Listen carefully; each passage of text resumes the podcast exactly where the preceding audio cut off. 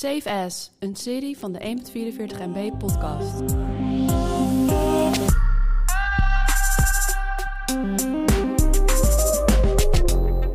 Doe je ogen even dicht en stel je het volgende voor. De wereld dreigt te vergaan door een meteorietenregen.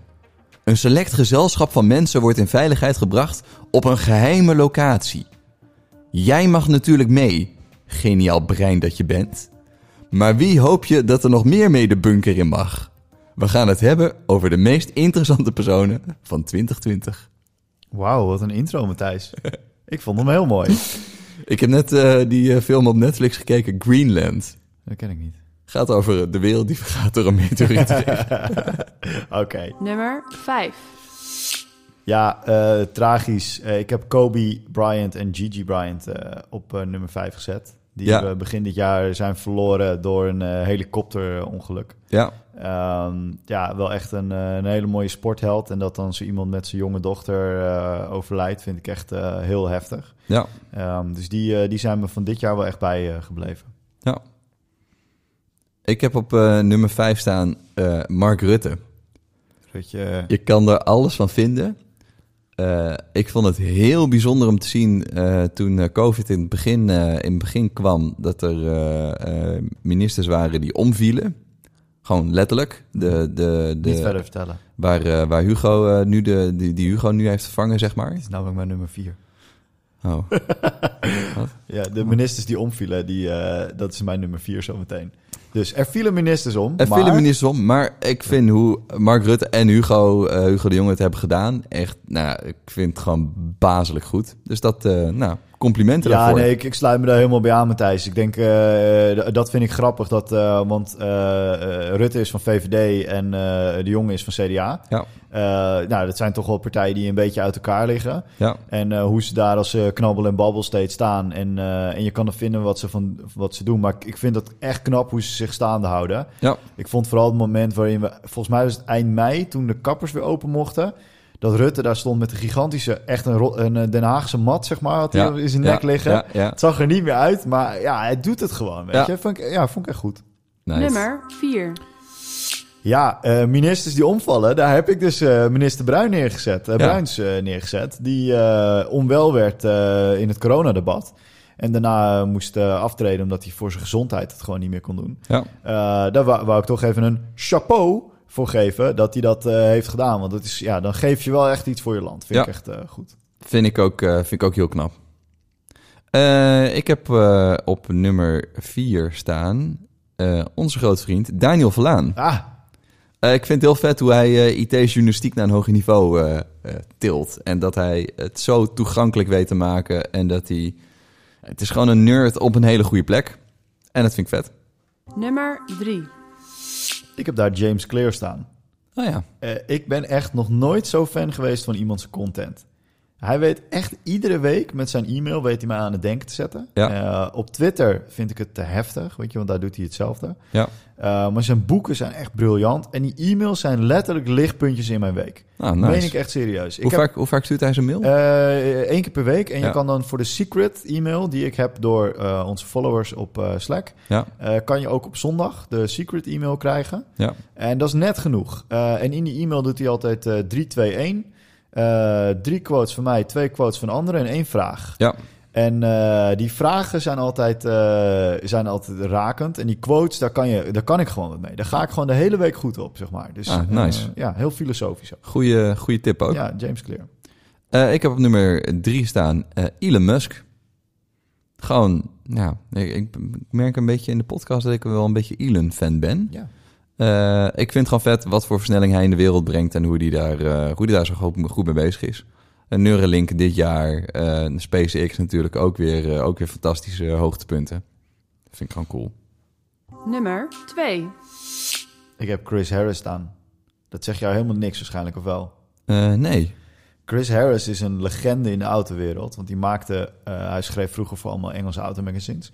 En op een gegeven moment begon Chris Harris video's te maken op YouTube. Waarin die auto's, eh, eh, hele dure auto's door bochten driften. Ja, Maar het was allemaal eigen productie. Dus het was hij en een cameraman. ja, En dat zag je daaraan af, omdat niet dat het slecht was, maar dat er passie in zat. ja. En eh, hij is toen op een gegeven moment is hij gescout voor de nieuwe Top Gear. Toen eh, eh, Jeremy Clarkson het te bond had gemaakt. Ja. Eh, toen heeft hij heel veel over zich heen gekregen. Want ja, weet je, je kan de Spice Girls niet vervangen. Dat, Ja. is, dat, is, dat is gewoon heel lastig. Ja. Eh, nu, vier jaar later, geeft hij voor het eerst interviews. Want hij, is, hij is best wel een beetje ja, gesloten. En eh, vertelt hij hoe zwaar hij het daarmee heeft gehad. Hoe hij ook psychische hulp heeft moeten zoeken. Omdat hij gewoon echt werd aangevallen door mensen. Dat hij slechter werk deed dan Jeremy Clarkson. En, eh, ehm, en ik denk overigens, als je nu naar het programma kijkt, het laatste seizoen... eh, dat is, het is een ander programma geworden. Ja. Uh, het, is, het heeft minder entertainment value. Uh, Jeremy Clarkson, Richard Hammond en ehm, zo, ik kom even niet op. En de derde. Captain Slow. Ja. Dat was een heel ander programma. Maar waarom ik hem zo interessant vind, is omdat hij er zo eigen in staat. Hij, Ja. weet het, hij is heel erg zichzelf gebleven. Ja. Hij heeft één hele dure auto, een Porsche 911 uh, Touring.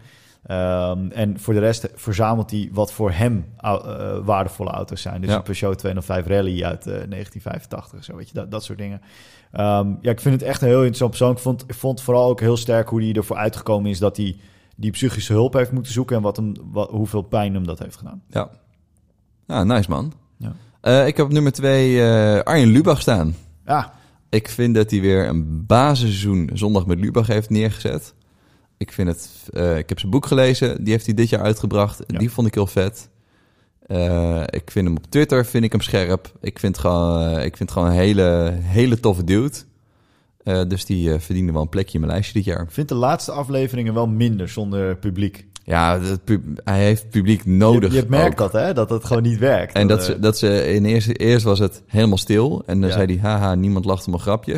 nu is het zo dat de cameramannen lachen. ja. Maar dat maakt het ook weer knullig. Super awkward. Hij had er beter een lachband onder kunnen Ja, zetten. ja of ik, zo. zou, ik zou bijna zeggen, je kan er beter een Zoom-call van maken met een publiek of zo. Ja. Eh, want eh, je merkt dat hij die interactie nodig heeft, Ja. inderdaad. Ja, ja. Nummer 1. ja, daar heb ik onze koning Daniel Verlaan staan. Heel goed. Eh, ik vind het geniaal hoe die eh, tech-veiligheid naar de massa brengt. Ja. Ik vind het ook briljant dat hij voor RTL werkt. Ja. Want ik had hem liefst, het liefst ergens anders gezien. Weet Mm. je, RTL is niet helemaal mijn, mijn ding. Ja. Maar ik vind het juist briljant dat hij dat weet te gebruiken. Ja. Door echt het naar de massa te brengen. Zijn boek is een beetje eh, als... eh, eh, het is oorlog en niemand die het ziet. Ja. Vanuit Modderkok van vorig jaar. Het is een, het is een eye-opener. Ehm, het is gewoon... Ik vind het een, geweldige vent. Ook hoe open die is. Hij heeft bijvoorbeeld een onderzoek gedaan naar... Kindermisbruik, toch? ja, ik dacht dat het kindermisbruik was inderdaad. Ja. Waar hij echt heel veel last van gehad heeft achteraf. Daar heeft hij dus ook wel echt eh, hulp voor gekregen. Eh, dus, dus echt eh, een soort van slachtofferbegeleiding. Ja. Ehm, eh, dat vind ik ook wel weer heel erg goed van, van RTL. Eh allermooiste vind ik, hij zit nog steeds in zijn patta-trui bij Bo aan tafel, Ja. bij Jinek. En dat vind ik echt lekker. Ja. En ja, echt, nou ja, die, die kan ik niet genoeg veren in zijn reet steken. Ja, doet hij supergoed. Ja. Ik heb op nummer 1 staan Bill Gates. Lekker. Eh, hij krijgt enorm veel shit over zich heen. Van mensen die niet geloven dat hij het allemaal vanuit het goede doet en eh, dat soort dingen. Hij doet die 5G-chips in ons eh, implementeren. Inderdaad. Ik vind het echt ongekend wat hij in deze tijden voor de wereld heeft betekend. En hoe hij daarin staat en hoe hij dat doet en hoe hij het aanpakt. Ehm, was dat dit jaar die documentaire Nee, van dat was hem? vorig jaar. Of vorig jaar al, hè? Ja, die was namelijk mijn tip van vorig jaar. Toen had ik hem ook heel hoog op mijn lijst Ja, staan. precies. Het, gewoon, eh, ik vind hoe die is, hoe die doet, hoe die daar buiten is. Nou, ik vind het gewoon een geniale vent. Ja, het lijkt ook alsof je daar steeds beter in wordt. Ja, En maar blikjes Coca-Cola Light blijven drinken. ja. Dat is zijn ding. heel goed, Bill. Safe As, een serie van de 1.44 MB podcast.